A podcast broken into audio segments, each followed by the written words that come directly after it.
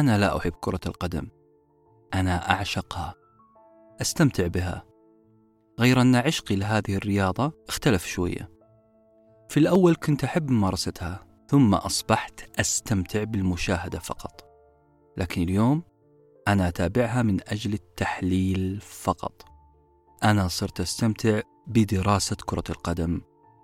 مو أنا بس أنا ومعظم جيلي نفس الناس اللي في سني يمارسون نفس العادة. صرنا نركز على علم اجتماع كرة القدم علم نفسها فلسفتها تكتيكات المدربين. إحنا صرنا إن صحت العبارة اللي اخترعناها نتابع ال meta football أو ما وراء كرة القدم. وهذه مرحلة خطيرة. خطيرة ليه؟ لأنها مرحلة تقفز فوق الاستمتاع بالشيء نفسه. تقفز إلى البحث فيما وراء هذه المتعة. ميتا M E T A. هذه العبارة البسيطة أو الكلمة البسيطة في اللغة الإنجليزية معناها ما وراء. مثلا physics معناها أجسام. metaphysics ما وراء الأجسام. يعني عالم النظريات والقيم والأرواح. وبكذا فوتبول نقصد فيها أننا لا نتحدث عن كرة القدم كمتعة. لا نتكلم عنها كنشاط ومنتج بل نحاول وصف كرة القدم كعناصر. إحنا بدأنا نسأل أسئلة غريبة وإحنا نتفرج على المباراة زي مثلا لماذا هذا الصراع بين اللاعبين؟ وماذا يعني؟ ليه ممكن يموت مشجع من المشجعين؟ أو يغمى عليه بسبب هزيمة أو فوز فريقه؟ كيف جاء الانتماء؟ وكيف نجح مدرب في اقتناص خلل في الفريق الآخر؟ متى يسخن الدوري الفلاني ومتى يسقط العلاني؟ meta football كلمة ركبناها تيمنا بكلمة إنجليزية معروفة وهي metafiction أي ما وراء الرواية. ونحن نبحث في ما وراء كرة القدم صرخ أحد أقربائي بجملة اعتقدت معها أنه قاعد يقول حقيقة كونية لا تحتمل الجدل ولا الشك. قال كرة القدم تثبت يوميا أن النجاح تخطيط واحد زائد واحد يساوي اثنين. كدت أن أذوب عشقا في هذه الحقيقة المطلقة اللي قالها صديقي لولا لولا أني رجعت بذاكرتي شوية لورا تذكرت أن نفس هذا الشخص صرح تصريح قبل فترة وقال لا يوجد مثل الإرادة والحماس لضمان الانتصار في عالم كرة القدم. العبارتين تبدو متعارضتين. هل النجاح إرادة وحماس ولا النجاح تخطيط واتباع قوانين؟ هنا دخلنا في مفارقة الإرادة ضد التخطيط. قد تتساءل عزيزي المستمع وعزيزتي المستمعة وتقول أنا مالي ومال حواركم هذا. إيش يهمني في كون كرة القدم إرادة أو تخطيط؟ عشان كذا مضطر أقول لكم إنه هذه المفارقة هي واحدة من ملابسات حلقتنا اليوم. هل النجاح في كرة القدم أو في أي نشاط في الدنيا يخطط له مسبقا وله قواعد وأصول؟ ولا هو مجرد تجربة أقدار ظروف حتمية؟ لأن حلقتنا اليوم تناقش مقالة عن أدوات اكتشاف الناس لذواتهم ونقاط قوتهم. كان نقاشنا ما قبل كتابة السكريبت متركز حول هل يجوز أن يملي علينا أحدهم قوانين محددة؟ هذه القوانين تساعدنا في اكتشاف نقاط قوتنا ومن ثم نجاحنا؟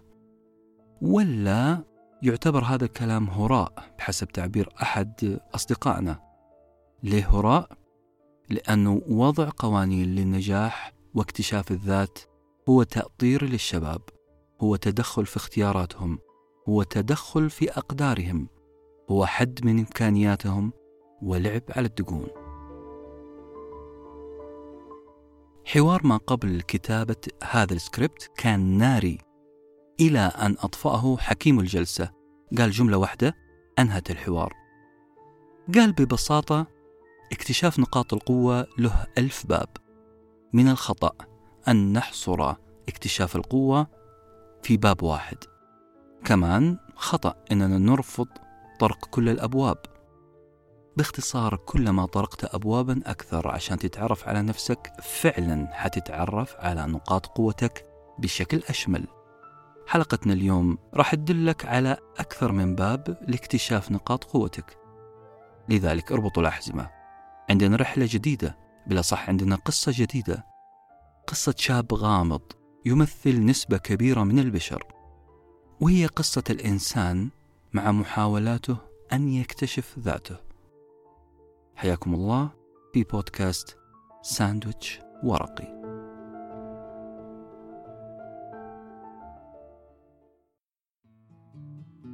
المشهد الأول أمام العمارة. قصتنا اليوم هي قصة شاب. هذا الشاب يقف على الرصيف يركز نظره بطريقة غريبة على عمارة سكنية سردينية السكان متراكمة الأدوار. هذا الشاب يرتدي قبعة أخفت عينيه أو نصف عينيه.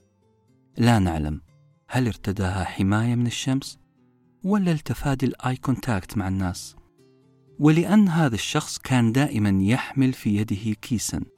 انتشرت الإشاعات بين الجيران. هذه الإشاعات تقول إنهم لمحوا في هذا الكيس تشكيلة أسلحة بيضاء وغير بيضاء. بعضهم أكد أنها تحوي محاليل ملونة مريبة. تضخمت الإشاعة ككرة الثلج لدرجة أن الجار العجوز الذي تعدى القرن عمرا أقسم بأنه لمح كرات خضراء زيتية ذات نتوءات أشبه بالقنابل اليدوية اللي نشوفها في الأفلام الوثائقية الكل صار ينسج نظريته عن صاحبنا الشاب الغامض لكن هل هو فعلا مجرم محترف؟ هل هو إرهابي ضال؟ ولا هو مجرد سراب وأسطورة صنعها خيال الجيران الخصب؟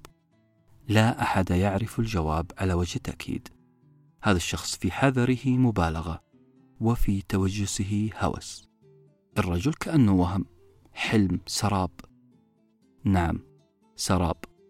نراه لكنه غير موجود فعلا.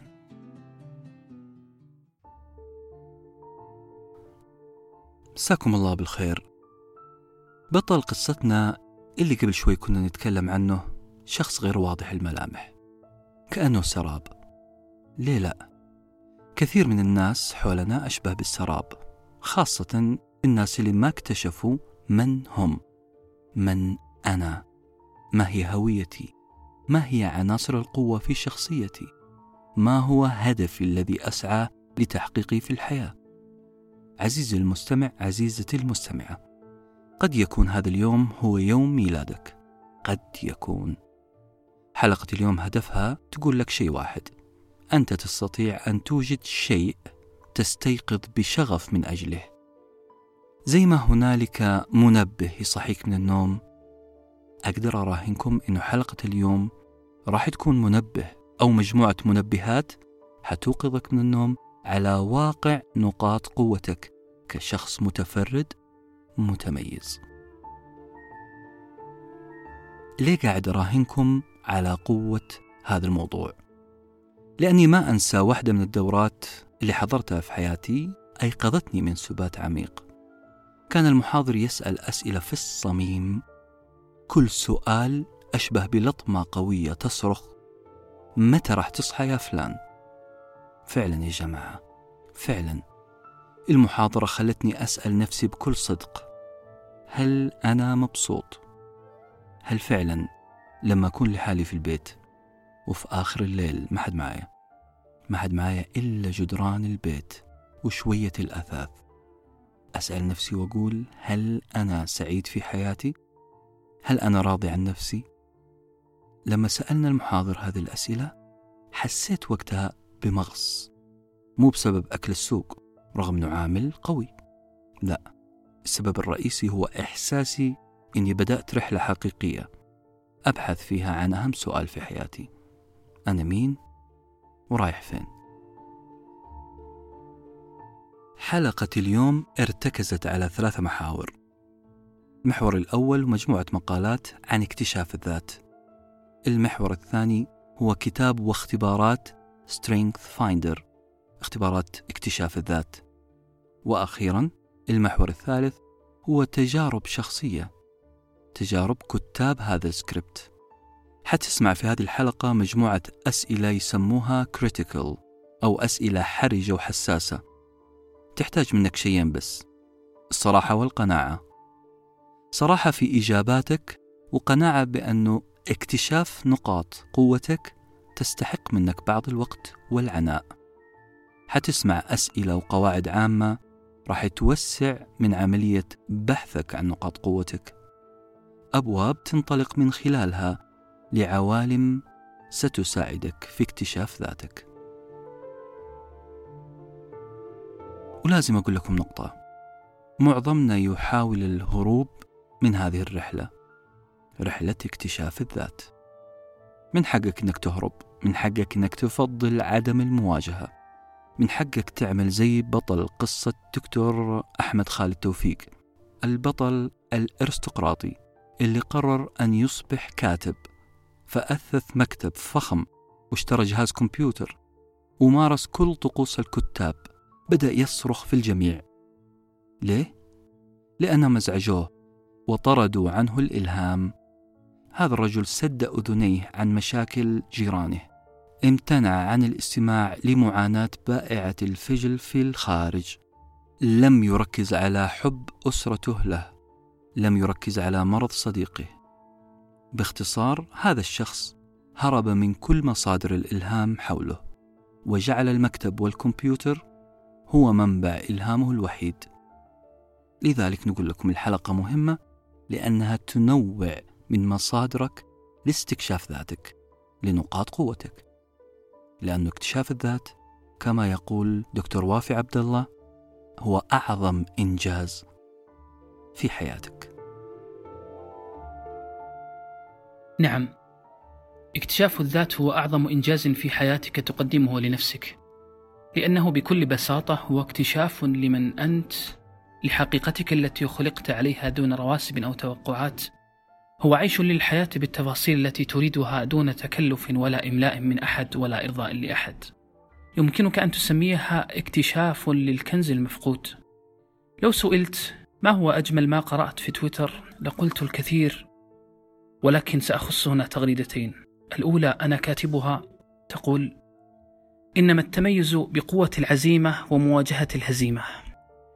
معرفتك بموقعك الحالي في الحياة هو اكتشاف للداء وتشخيص له ورسم لخارطة الدواء. تحررك من عوامل الإحباط والهياط هو إزالة لرواسب تخفي اكتشاف موقعك الحالي. لا بد أن تكون عبارة أنت هنا واضحة كوضوح بقية الخريطة حتى تصل دون تأخر أو ضياع. وفي نفس السياق تغريدة أخرى كلها تساؤلات لفتت نظري ودفعتني لمشاركتها معكم تقول من أخذ الحبل وقيدنا من أقنعني وأقنعك بأن الحياة فرصة واحدة وقرار واحد. قرار واحد إما أن تأخذه وينجح أو تتلكأ وتضيع عليك الفرصة. أو تخطئ فيه وتنتهي حياتك للأبد. من رافض هذه الفكرة من منعك أن تقول بصوت عال أنا هنا وهذه أدواري. تخيل أنك تسير على أهواء الناس ورغباتهم طيلة حياتك وتتقصد إفراحهم على حساب حقيقتك. هذا سيجني عليك من ناحيتين. الأولى لم ولن يرضوا عنك جميعا. سيرضى عنك البعض والآخرون في سخط عليك. لأنهم بالطبع سيختلفون في اختيار الأفضل لك. والثاني وهو الأكبر إشكالا أنك ستخسر الشخصية الطبيعية التي أرادك الله أن تكون عليها. اكتشاف الذات سيعرفك أهمية الحياة. ليس الفشل هو أن تتوقف عن دراستك أو لا تجد وظيفة تقبلك. الفشل ألا يكون لك في الحياة هدف. ألا ترى شيئا في الدنيا يستحق أن تعمل لأجله. اكتشفت ذاتي وأحتاج لمحطات تزود. فما العمل؟ إليك هذه الثلاث. أولا لا تلتفت الالتفات سيؤخر مسيرك اجعل همك وتفكيرك هو الهدف فحسب سر بخطوات الثبات ومشاعر العزيمة والحماس حتى تصل وتنال العظائم. اكتشافك لحقيقة وجودك سيرفعك عن الصغائر، الحقد والحسد. هذه هي النصيحة الثانية أما الثالثة وهي الرابعة والعشرون في قواعد العشق الأربعون لا تسر مع التيار. كن أنت التيار. ولا تكن مثل بطل قصتنا الذي كان سرابا ليس في أعين الناس فحسب بل في عينه هو كذلك. المشهد الأول. نرجع لبطل قصتنا الغامض. هذا الشخص الذي يحمل الكيس الأكثر شبهة في الحي. لا زال هذا الرجل تائه النظرات. ها هو يتفحص العمارة السكنية بوجه غير مفهوم. هذه العمارة ذات الخمسة أدوار. لكن أخيرا فهمنا من نظراته شيء. الرجل ركز لبضع ثواني على الدور العلوي الدور الخامس حيث يقطن. يعود ويتفحص بوابة البناية كأنه يتأكد من خلوها من السكان. يدخل ببطء شديد من باب العمارة. محاولا قدر الإمكان تجنب أي تواصل مع الرائح والغادي. تعود صاحبنا في كل فترة أن ينغص عليه الجيران خلوته داخل المصعد. لذلك هو يفضل صعود الدرج بقدميه. وبالفعل استخدم الدرج للصعود. هذه المرة بدت خطواته مرهقة متثاقلة فمن تلمسه لأعلى فخذه. يبدو أن ساقه مصابة بشيء ما بالكاد يرفع قدما وينزل الأخرى. لكن الأقدار جعلت بطء حركته سببا في استراقه السمع لحوارات أصحاب الشقق في الدور الأول إلى الخامس. ها هو بدأ يسمع حوارا في الدور الأول حوارا ساخنا يدور بين امرأة ورجل. بالأصح هو صراخ مهذب قليلا. لعلكم تتساءلون كيف يكون الصراخ مهذبا. لما يكون الصراخ عبارة عن استجداء أو استنكار أكثر من أنه صراخ غضب. نعم كان صوت الزوجة العجوز خلف باب الشقة واضحا وهي تطلق أسئلة استنكارية لزوجها وتقول أنا لم أعد أعرفك كأنني أعيش معك لأول مرة. أخيرا يرفع البطل قبعته لنرى لأول مرة عينيه. عينان بريئتان تحملقان للأعلى ولسان قلق يمشط لثة فكه السفلي وكأنه يحلل كلام العجوز لزوجها. مو بس عيونه هي الملفتة بل تشكلات حاجبيه المليئة بمختلف المشاعر حزنا وتعاطفا. خاطب نفسه وكأنه يرد على العجوز قائلا إنها كارثة يا سيدتي. بينكما إرث طويل آلاف الذكريات. كيف لم تعرفيه حتى الآن؟ رغم أن بطل قصتنا أصدر حكما متسرعا غير مبني إلا على جملة سمعها من الزوجة في الدور الأول لكن في كلامه شيء كبير من الصحة كقاعدة عامة في الحياة. أنا وأنت وغيرنا مجموعة تجارب ومواقف في الماضي. لذلك نستطيع اعتبار الماضي إرثا يستحق الالتفات إليه. هنا سأقول إرث لأنه بالبحث فيه قد نكتشف ونستكشف جزءا من ذواتنا. مو شرط أن الماضي يملي علينا من نكون لكن يعطينا كشافات تضيء نقاط مجهولة نفهم بها جزءا من هذا الحاضر. أوبرا وونفري الإعلامية الأشهر على الأرض.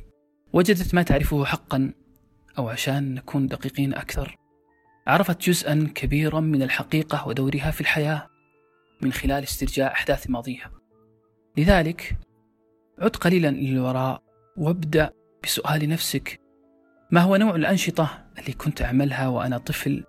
هل كنت أعمل مسرحيات للأطفال؟ هل كنت بارع في تأليف المسرحيات وتمثيلها؟ هل كنت عريف في الفصل ومستمتع؟ هل الكشافة كانت هوسا عندي؟ أم جو الملاعب والمعامل هو ما كان يستهويني؟ لو جاء في بالكم إن نبش الماضي وتحليله مجرد تحايل نفسي أو لعب عيال أحب أذكرك بأن المصطلح الأشهر الآن في التربية حتى في عالم الاحتراف الوظيفي هو reflective practice واللي ممكن نترجمه بأنه الممارسات التأملية ممارسات تأملية في أحداث حياتنا ونشاطنا اليومي محاولة فهم تبرير تنظير تأطير وإيجاد حلول وتطوير لأنفسنا بأنفسنا من خلال تحليل تجاربنا في الماضي. العملية التأملية الغرض منها هو استكشاف مكامن القوة والضعف فيك من خلال تأملاتك أنت في أدائك أنت. بمعنى أن الموضوع كله في يديك لك الخيار وحدك. الفرق بين الناجح والفاشل شيء واحد. الأول بحث وطور. أما الثاني يمول بمقام الصبا وببيت الشعر المشهور أضاعوني وأي فتى أضاعوا؟ البعض يستسهل الماضي.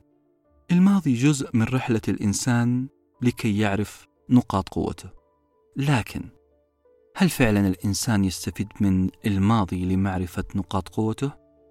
خلونا نسمع قصة سيث ماكفلارن سيث هذا في لقاء حصري على قناة أمريكية كان يتحدث عن طفولته. اكتشفت وأنا أشاهد هذه المقابلة أن الطفولة وهوس اللعب في الطفولة يخبرنا الكثير عن المستقبل.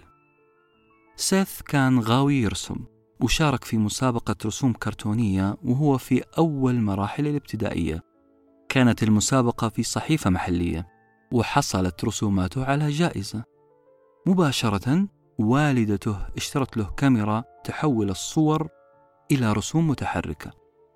هذا جزء من طفولة سيث ماكفلارن سؤال مين سيث ماكفلارن؟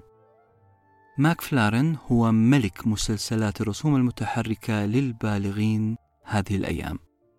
هو مؤلف و voice over ومخرج ورسام مسلسل Family Guy و American Dad لذلك نقول ابحث في الماضي واعمل reflection reflection يعني تحليل لهذا الماضي. اعمل reflection على نفسك وحتلقى شيء يخبرك من أنت وما هي نقاط شغفك وقوتك. اللي قاعد يقول عني الآن أنت قاعد تحلم أنت قاعد تتخيل أنت متفائل زيادة عن اللزوم راح أرد بجملة بسيطة. أنا شخصيا مؤمن بكلامي والسبب بسيط. لأني كلما رجعت للماضي أجدني شخص يعشق حصة التعبير سواء كان تعبير عربي أو إنجليزي. آه بالمناسبة. التعبير هي مادة من المواد اللي كانت على أيامنا مادة أساسية. كان للنجاح في هذه المادة مطلب واحد أن تحفظ نص معين وتكتبه في الاختبار. يعني قص ولصق. لذلك اعتدنا كطلاب أننا نحفظ نص ونكتبه في الاختبار وننجح. كان ممكن هذه الذكريات تمر مرور الكرام علي وعلى غيري لكن استدعائي لهذه الحادثة أو استدعائي لذكريات مادة التعبير جعلتني أخرج بنتيجة معينة تقول إني ما كنت أحب حفظ النصوص. أنا كنت أعشق حصة التعبير كنت أعشق كتابة أي موضوع من راسي وبأسلوبي. لذلك تحليل مثل هذه الذكريات كشف أمامي نقطة نقطة قوة وهذه النقطة قد تساعدني في معرفة من أنا. أنا شخص يحب الكتابة بحرية. هل تتوقع عزيزي المستمع عزيزتي المستمعة إن هذه المعلومة سهلة وبسيطة وغير مؤثرة؟ أبدا قبل تخرجي من الجامعة بأشهر قليلة سمعت محاضرة المحاضر سأل سؤال مهم جدا وقال ماذا كنت تستمتع بعمله أيام الابتدائي؟ طبعا من خلال اطلاعكم على أحداث الماضي الخاصة فيا أكيد جوابي حيكون حصة التعبير مو بس في الابتدائي يا جماعة حتى في المرحلة الثانوية. ففي مادة اللغة الإنجليزية كنت أجد متعة في عجن قواعد اللغة الإنجليزية. كنت أعشق لي أعناق الكلمات. لأجد في النهاية توليفة جديدة موضوع جديد. غالبا لا أشكر عليها من قبل المدرسين لأنه فيها عك لغوي كبير لكني كنت مستمتع.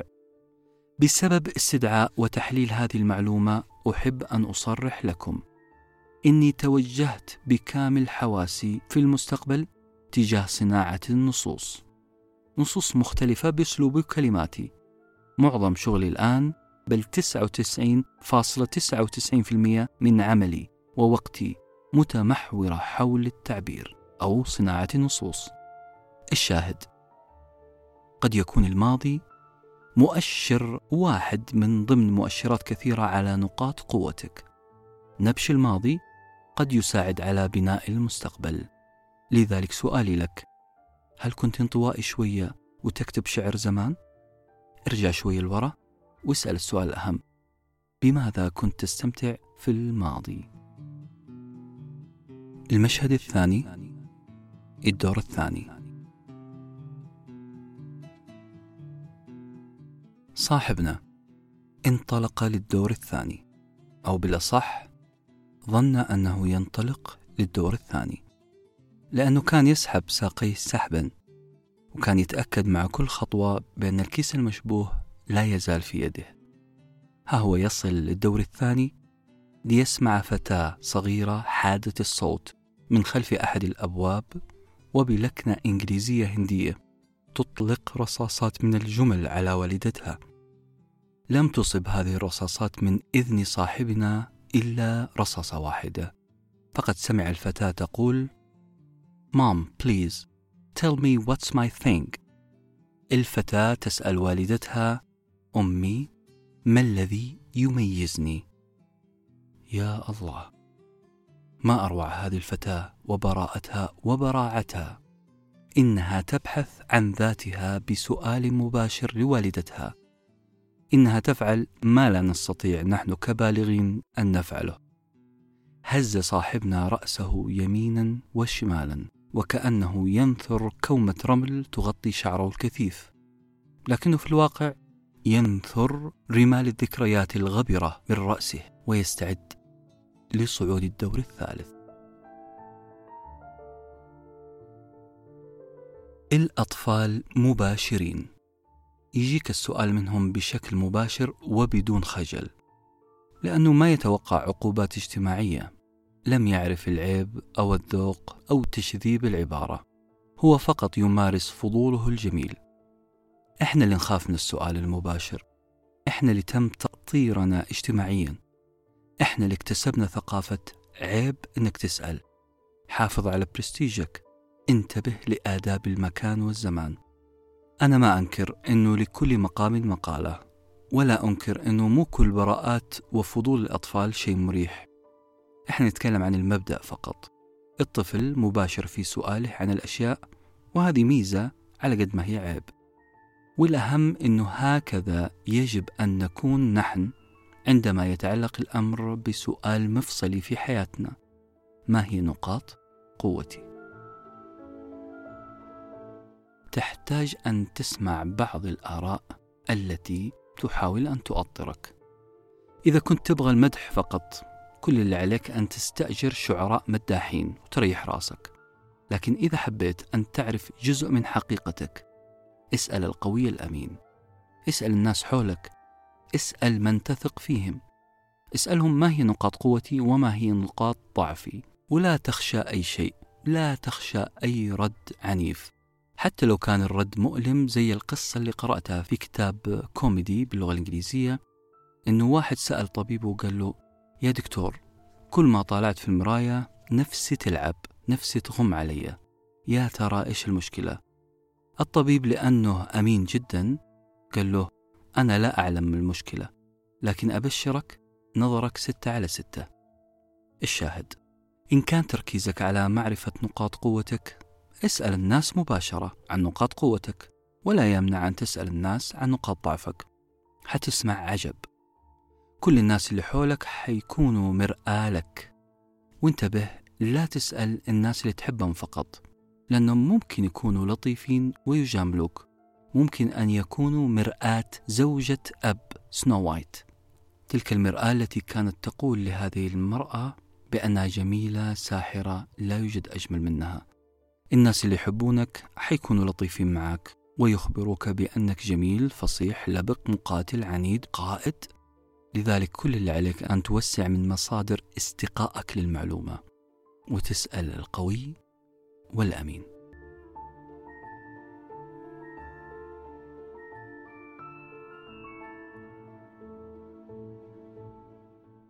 طيب أسأل مين؟ في الكتاب الإنجليزي بعنوان الذي أتى بك إلى هنا لن يوصلك إلى هناك قدم المؤلف نصيحة مهمة. يقول قد تتسبب بعض أسئلتك عن نقاط قوتك بالإحراج لمن حولك. أنت تضعهم تحت ضغط اجتماعي. فلا يجيبك بصراحة. لذلك وجه هذه الأسئلة عبر البريد الإلكتروني لمنع أي إحراج أو استخدم برنامج صراحة. وأعطيهم الرابط وسلم أمرك لله. نقطة مهمة ممكن نضيفها في هذا الجانب وهي ضرورة تنويع دائرة الأشخاص اللي تسألهم. تنوع في اهتماماتهم خبراتهم وعلاقاتهم بك. فلا تقتصرها على أصدقائك اللي يشوفوك في الاستراحة فقط أو في الكافي مثلا بل زملاء العمل الصريحين واللي شافوك جاي الدوام طفشان الصبح. وأرحامك البعيدين اللي قابلوك في جلسة صفا على عشاء عائلي شبه رسمي أو مثلا طلاب وموظفين قد تكون أنت رئيسهم أو رئيسهم السابق مثلا. بالعربي نوع من دائرة بحثك عشان توصل لمرحلة التشبع من البيانات. كل هذا راح يخدمك في تسليط الضوء على من أنا وفي أي مجال أتفوق. المشهد الثالث الدور الثالث. بطل قصتنا. أثناء ارتقائه للدور الثالث دغدغت رائحة بخور لذيذة حواسه. لكن ملامحه ما تغيرت. لأنه أحس أنه مقبل على عالم جديد وقصة أخرى في الدور الثالث. أراد أن يقفل أذنيه عن سماع ما يقوله السكان في هذا الدور لكنه شعر بالراحة عندما سمع أن الضوضاء الظاهرة هي الصادرة من جهاز التلفاز. هذا الشيء بالتأكيد حيجنبه الشعور بالذنب تجاه استراق السمع. كان التلفزيون يعرض برنامج معروف برنامج الشاب الذي ألهم الكثيرين ودفعهم لفعل الخير. تعال إلى مسمع بطلنا صوت طفل في هذا الدور. لا يتعدى السابعة أو الثامنة. يبدو أن هذا الطفل كان يشاهد هذا البرنامج. هذا الطفل يقول أمي عندما أكبر سأكون مثل هذا الشاب. سأعمل الخير وأدعو إلى الإحسان في المجتمع. بطل قصتنا أحس برجفة عندما سمع صوت الطفل البريء. أي قوة تأثير يمتلكها هذا الشاب في البرنامج؟ هذه القوة التي جعلت طفلا يقول مثل هذا الكلام في عالم ألعاب الفيديو ومشاهير المقالب السخيفة وبدأ بطل قصتنا يتساءل هل كان عندي مثل أعلى وقدوة وأنا طفل؟ هل لا تزال هذه القدوة عالقة في عالم اللاشعور؟ هل توجد شخصية لا تزال قابعة في اللاواعي الخاص بي؟ كادت هذه الأسئلة أن تمزقه تمزيقا لذلك قرر أن يستكمل صعوده للدور الرابع في هدوء. واحدة من أهم الأدوات عشان أتعرف على من أنا أين أنا وكيف سأكون في المستقبل هو الاحتكاك بالبشر. احتكاكك بالمجتمعات الوظيفية حيزودك بتشكيلة نماذج وموديلات لأناس محترفين. هذول الناس المحترفين موجودين اوريدي في السوق. في سوق العمل في خطوط الإنتاج. أنت تقدر تبني عليها نموذجك الخاص. صحيح أنك حتقلد في البداية لكن تستطيع كسر هذا النموذج في يوم ما وأن تكون نموذجك المتفرد المبدع. في مشكلة كنت أعاني منها. إني كنت أتأمل الناس وأنا في برج عاجي في الدور التسعين. هو شعور جميل بصراحة. شعور عظيم لكن فيه إشكالية. إنه عقل الواحد لا يكفي. عقل واحد مو كفاية عشان أكتشف أي حقيقة من الحقائق. فما بالك بحقيقة اكتشافي لنفسي لذلك اللي أقدر أقوله خليك براغماتيك في منهجك البحثي. خليك متعدد المصادر. لا تعتمد على التفكير العقلي المطلق والتأمل. لأننا كائنات اجتماعية إحنا نحتاج أن نرى كيف يعمل المجتمع على أرض الواقع.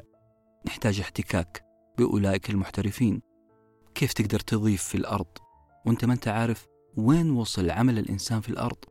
كيف تقدر تضيف للإنسان أو للبشر أي شيء وأنت تنظر لهم وكأنهم مجموعات نمل من أعلى؟ كيف ستكتسب المهارات الصغيرة جدا؟ في التفكير المنطقي في المهارات الجسدية البدنية. الاحتكاك هو سر الأسرار. الاحتكاك هي الكلمة المحك في التربية حاليا. بعد سنين وسنين من نظريات التربية اللي ناقشت كل أساليب التعليم والتدريس وصلنا لمرحلة اسمها البنائية الاجتماعية Social Constructivism. هذه النظرية نشأت في روسيا انتشرت بعدها إلى كل أنحاء العالم كالنار في الهشيم. أبرز إنتاجاتها شيء اسمه السقالة هذا الاسم اللي نطلقه بالعامية في المملكة العربية السعودية. السقالة هي أعمدة خشب أو حديد تنصب حول بناية جديدة. هذه الأعمدة تساعد العمال في البناء عشان ترفع العمارة دور واثنين وثلاثة. السقالة هي حل لاكتشاف الذات. موديل السقالة scaffolding موديل هي نظرية في التربية. تقول المعرفة لا تنتقل عن طريق شخص خبير يقف خلف البوديوم ويرسل لك معلومات one way. المعرفة ما هي انتقال معلومات من شخص إلى مجموعة أشخاص قابعين بكل طفش وملل على الكراسي. إن كان هناك تعلم حقيقي يحصل في هذا العالم وإن كان هناك اكتشافات للذات في الفصول الدراسية فهذا يحصل فقط باحتكاك اجتماعي بين شخص يمتلك الخبرة والمهارة والمعرفة مع ناس أقل منه خبرة ومهارة ومعرفة. هو يعمل كالسقالة يرفعهم تكة تكة الفوق. كذلك هؤلاء القابعين على الكراسي الطلاب الأبناء الأقل خبرة يرون في هذا الرجل نموذج لشخص يمتلك المهارة والمعرفة ويبنون نموذج مشابه.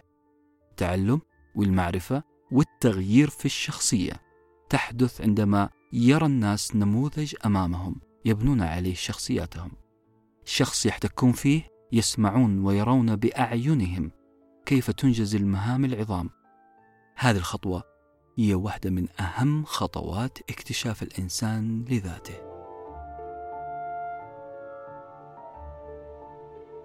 يمكن أن نقسم الناس إلى ثلاثة أقسام. القسم الأول العامة. الثاني أمثلة نماذج نخبة متميزون مختلفون. الثالث الأفترات الأيقونات الآباء الروحيين. كل هذه المصطلحات متقاربة في المعنى. هنا سأسهب قليلا في النوع الثاني وهم النخبة. بالمناسبة النخبة آه، مصطلح استخدمته وزارة التعليم السعودي في آه، وقت قريب.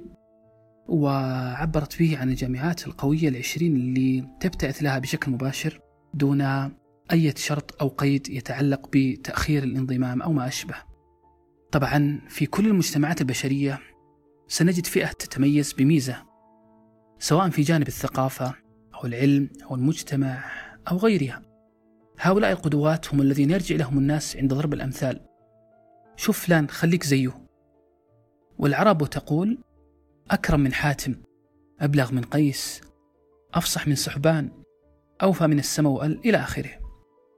القدوة ضرورة في طريق كل راغب في التميز. ذلك أن الإنسان بطبعه كسول جهول عجول ملول. كسول فيحتاج لموجه قائد ملهم يساعده وينشر فيه الحماس في شق طريق التحدي لتحقيق أهدافه الكبرى. ملول يتوقف عند أدنى شوكة في الطريق ليعود. جهول يجهل الطريق الصحيح ولا يعرفه. عجول يبحث عن الأهداف والأمنيات الصغيرة لأن ثمرتها قريبة ويتحاشى الأهداف الكبار لصعوبة الوصول إليها. القائد القدوة يستفيد منه الراغب في التميز في أول الطريق في بدايات المسار حتى مرحلة الوقوف التام ثم ينفرد عندها ويشق بقية الطريق لوحده. لو أنه استمر مقلدا لصنع إنسانا موجودا سابقا في نسخة أخرى. إذا هو أوجد نسخة أخرى لشخص موجود في الواقع. القدوة مهم وجوده بل مهم جدا لكنه أيضا مؤقت. طيب كيف أفرق بين متميز ومدعي التميز اللي نصطلح عليه أحيانا بالمهايطي؟ أربع علامات فارقة ومهمة.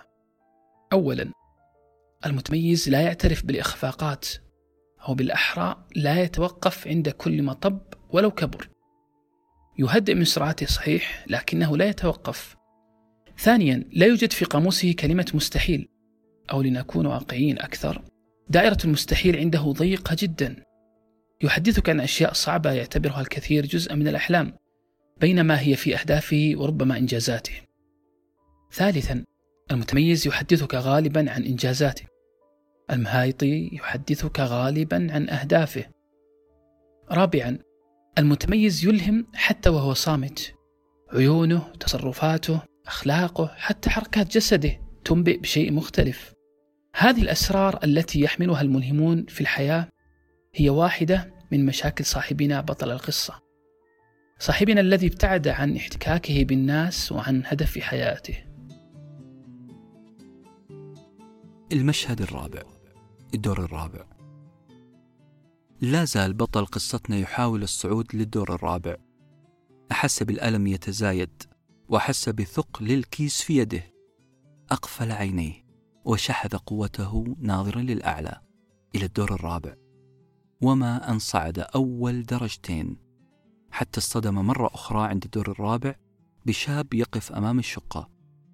ابتعد بسرعة وهو يحاول إخفاء ما بيده عن أعين هذا الشاب إلا أن الشاب كان منشغل بالحديث بالجوال. يبدو أن هذا الشاب قد حضر لمقابلة صاحب الشقة. سمعه يقول أنا أمام شقتك يا عم. أحتاجك في استشارة عاجلة. فقد فعلت شيئا ولا أعرف إن كان هذا الشيء صواب أم خطأ. بطل قصتنا تنهد في غيظ. يقول في نفسه ها أنا ذا. أجد نفسي داخل دائرة تساؤل جديدة هذا شاب تبدو عليه علامات الذكاء والثقافة يستشير جارنا العجوز. نعم تماما كما كنت أفعل أنا مع معلمي فلان رحمه الله. كان دائما أبي الروحي. كان الشخص الذي أستشيره حتى في أصغر الأمور. لقد فقدت منبعا كبيرا بوفاة هذا الرجل. إزداد الألم الجسدي والنفسي على هذا الشاب. بدأت قطرات من العرق تتصبب من أعلى جبهته وانطلق صاعدا للدور الخامس. طبيعي أن تتساقط قطرات العرق من جبهة بطل قصتنا. مو بس لأنه أنهك من الصعود لعمارته. هذه العمارة الأشبه بهرم منهك. لكن لأنه في الحقيقة يحاول الصعود لهرم ماسلو.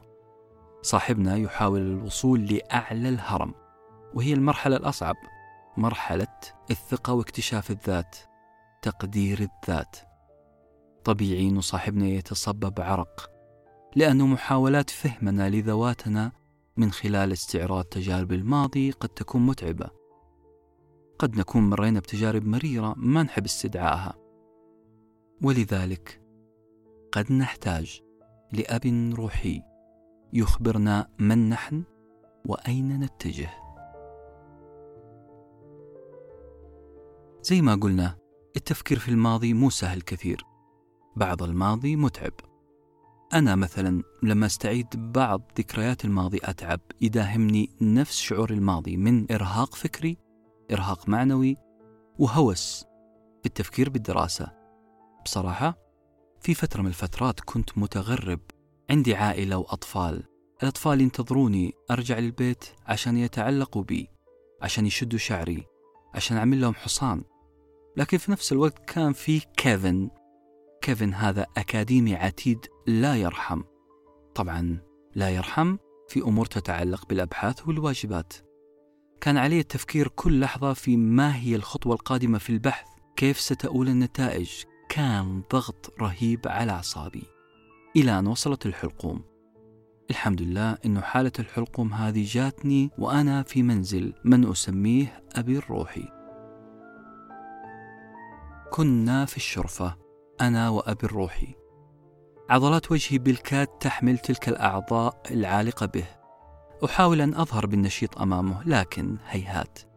كل حركة وسكنة في تدل على هبوط حاد في المعنويات. ولأن أبي الروحي كان شخص ذكي ولماح تلقف هذه المؤشرات بسرعة وبدأ حديث عميق جدا مع مين؟ مع روحي قبل عقلي ما تكلم عن ضرورة الاجتهاد والصبر ترك كل هذه الكليشات على جنب وقعد يتكلم عن شيء آخر قال عارف يا ابني أنت تذكرني بمين؟ أنت تذكرني بنفسي قبل ثلاثين سنة يوم كنت أجلس مع البروفيسور ديف كنت أجلس معه وأنا تعبان جدا قلق من مستقبلي العلمي في ذلك الوقت لم أكن أعلم أنني أؤدي بشكل عظيم. ما كنت شايف ولا شيء من نقاط قوتي. ما كنت أدري عن هذه النقاط إلى أن أرسل الله لي دكتور ديف وقال لي جملة واحدة. Keep up son. You're doing great. ديف قال لي واصل. أنت تؤدي بشكل عظيم. لذلك أنا أقول لك يا ابني Keep up. ملامح التعب على وجهك ومحاولاتك أن تتماسك أمامي. كلها مؤشرات إنك ناوي تعمل شيء. عزيزي المستمع عزيزتي المستمعة لا أخفيكم سرا. هذه الجملة هي اللي خلتني أعتبر هذا الرجل أبي الروحي. هذا الرجل ساعدني أقدر قيمة الديديكيشن الالتزام والعناد على النجاح. اوجدوا لكم أبا روحيا. هذا الشخص اللي يساعدكم في صناعة نجاحكم العلمي والنفسي. هذا النجاح اللي أبدع في وصفه الدكتور وافي في كتابه كيف تحقق أهدافك الدراسية الدكتور وافي قال في جملة عظيمة جدا الجمال ربما وراثة المال ربما إرث الجاه لقرابة المنصب بواسطة أما العلم فلن تناله بأحد هذه الطرق. العلم إنه الشرف الكبير. الله على هذا الكاتش فريز العظيم. خليني أترككم مع دكتور وافي.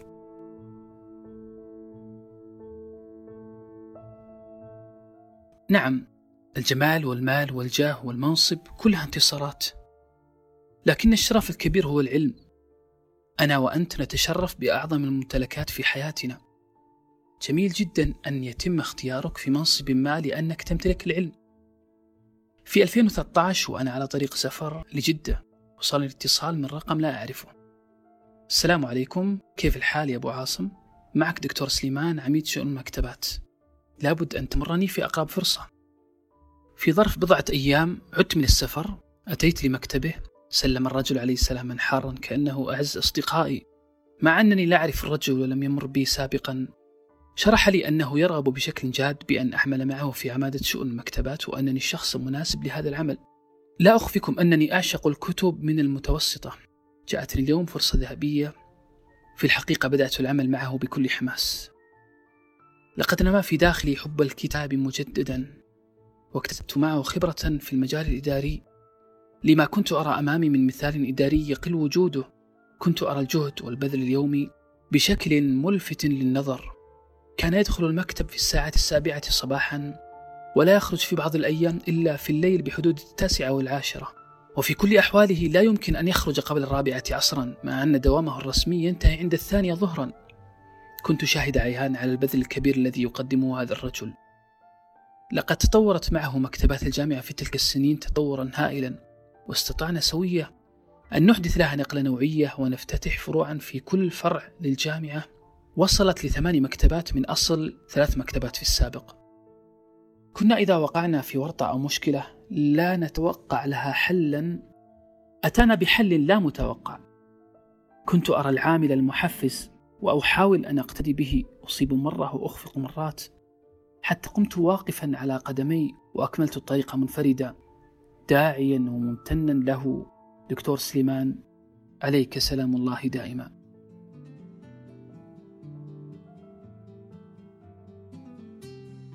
المشهد الخامس الدور الخامس. نرجع لبطل قصتنا. صاحبنا المنهك. هذا الشخص اللي اكتسى وجهه ملامح شاحبة جدا أصبح وجهه خالي من الألوان.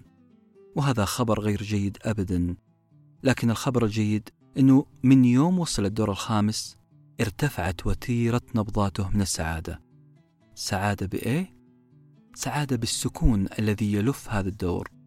هذا الشيء اللي كان ينتظره. أخيرا وصل لشقته لجنته سيدخلها بسلام آمن. حيجلس على الأريكة وفي حضنه أبناؤه يروون له قصصهم الخيالية. ستحادثه زوجته بكل حب. راح يقلب بين القنوات بلا هدف. قالها صاحبنا البطل وهو يضع إذنه على باب شقته ليستمع لصوت الحياة.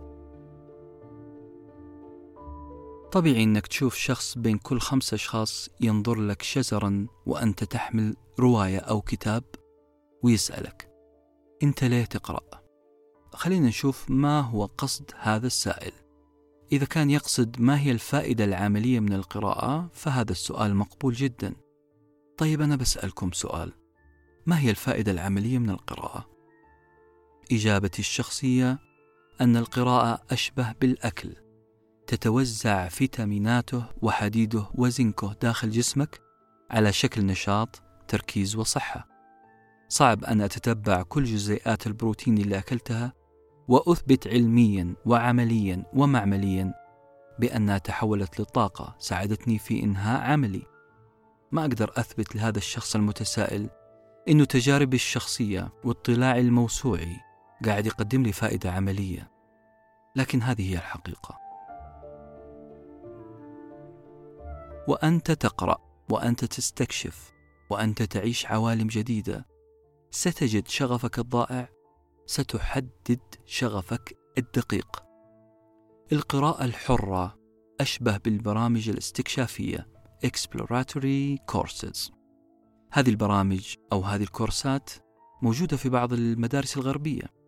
مواد دراسية مبسطة عن مجموعة من التخصصات.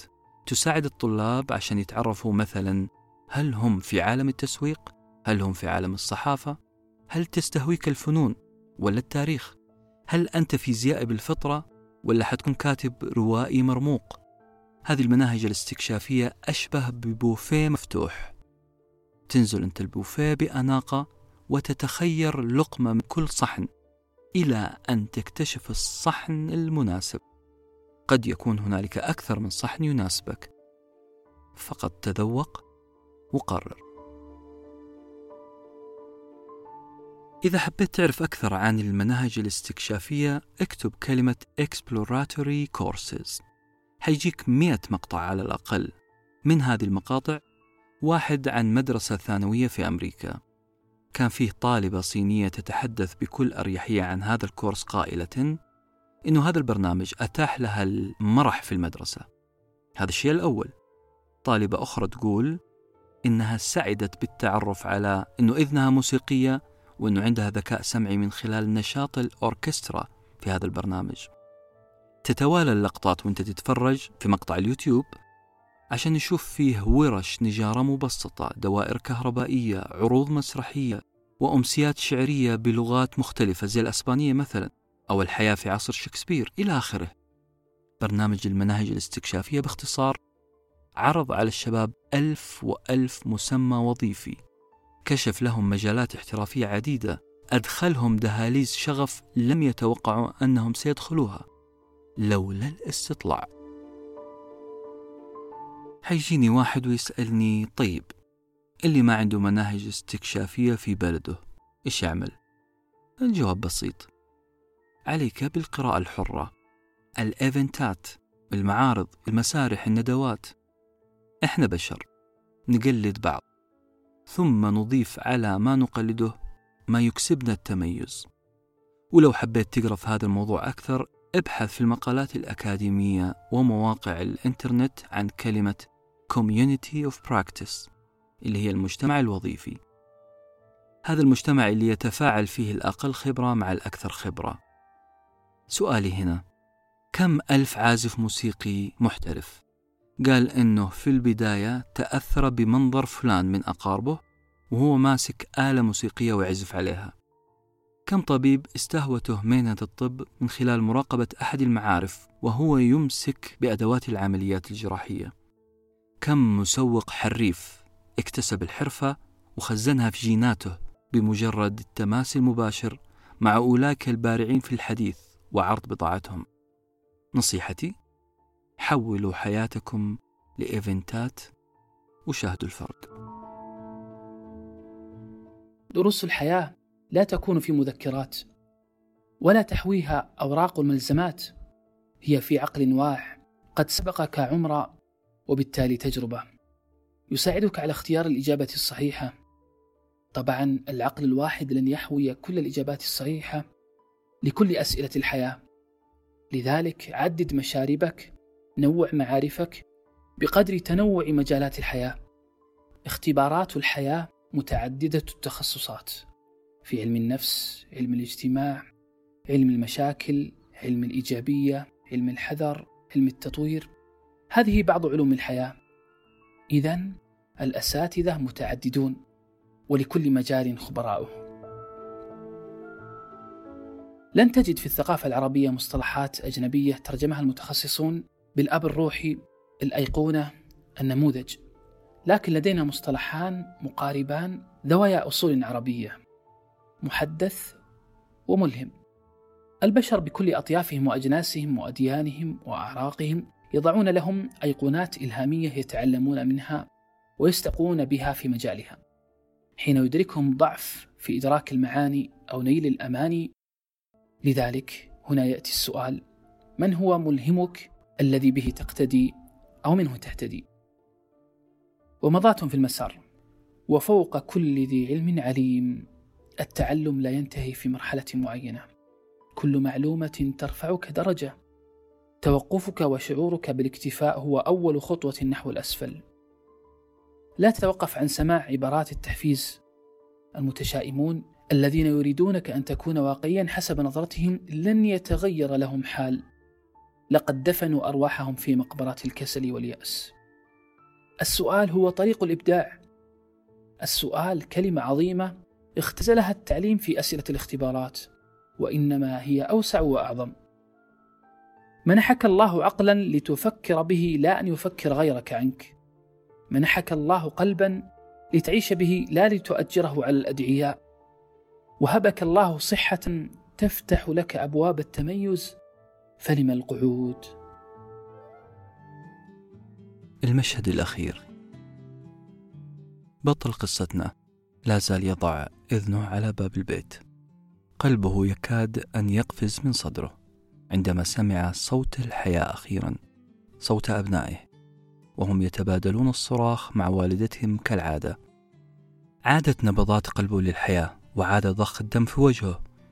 أنزل كيسه المشبوه على الأرض بينما يده الأخرى تعبث في جيبه بحثا عن المفتاح. لكن يا للأسف يا للأسف لم يكن هناك مفتاح. غريبة كيف يفقد المفتاح في كل مرة يصل فيها للشقة؟ عليه إذن أن يطرق الباب أو يقرع الجرس مثل كل مرة. ويا للأسف مرة ثانية يجد نفسه عاجزا عن الطرق على الباب فيده تغوص داخل اللوح الخشبي وكأنها سراب. توجه إلى الجرس وحاول ضغطه لكن نفس النتيجة. يده لا تصل إلى جرس ولا إلى باب. لذلك صرخ بأعلى صوته مناديا على أصحاب الدار. أيضا لا حس ولا خبر. كأن الدنيا تآمرت على أهل البيت وأصابتهم بالصمم. هل سينتهي هذا العذاب؟ أبدا. بل تكتمل المؤامرة. فها هي خطوات الابن الأصغر تقترب من الباب وها هي أوكرة الباب تتحرك ويفتح الباب ببطء. ليظهر ذلك الوجه الصغير. ذلك الطفل الذي من المفترض أن يقفز في حضن أبيه فرحا لكنه لم يقفز بل توجه مباشرة نحو الكيس والتقطه بخفة وصفق الباب بقسوة. أطارت روح صاحبنا المتلهف ما الذي حصل؟ لماذا لم يقفز الصغير متعلقا برقبتي كالعادة؟ لماذا لا أستطيع أن أطرق الباب أو أدق الجرس؟ لماذا لا يراني أحد؟ وفي محاولة يائسة أخيرة ألصق صاحبنا أذنه على الباب ليسمع الطفل يصرخ لأمه أمي وصلت طلبية الكيوي والعصيرات فصرخت الأم وهل وصل معها السكين؟ نظر صاحبنا مرة أخرى إلى يده فلم يرها هنا تأكد بأن نبضه متوقف وأن إحساسه بجسمه بدأ يختفي وأنه ربما يعيش حلما بل كابوسا أبشع من منظر حبة الكيوي في حفظ الله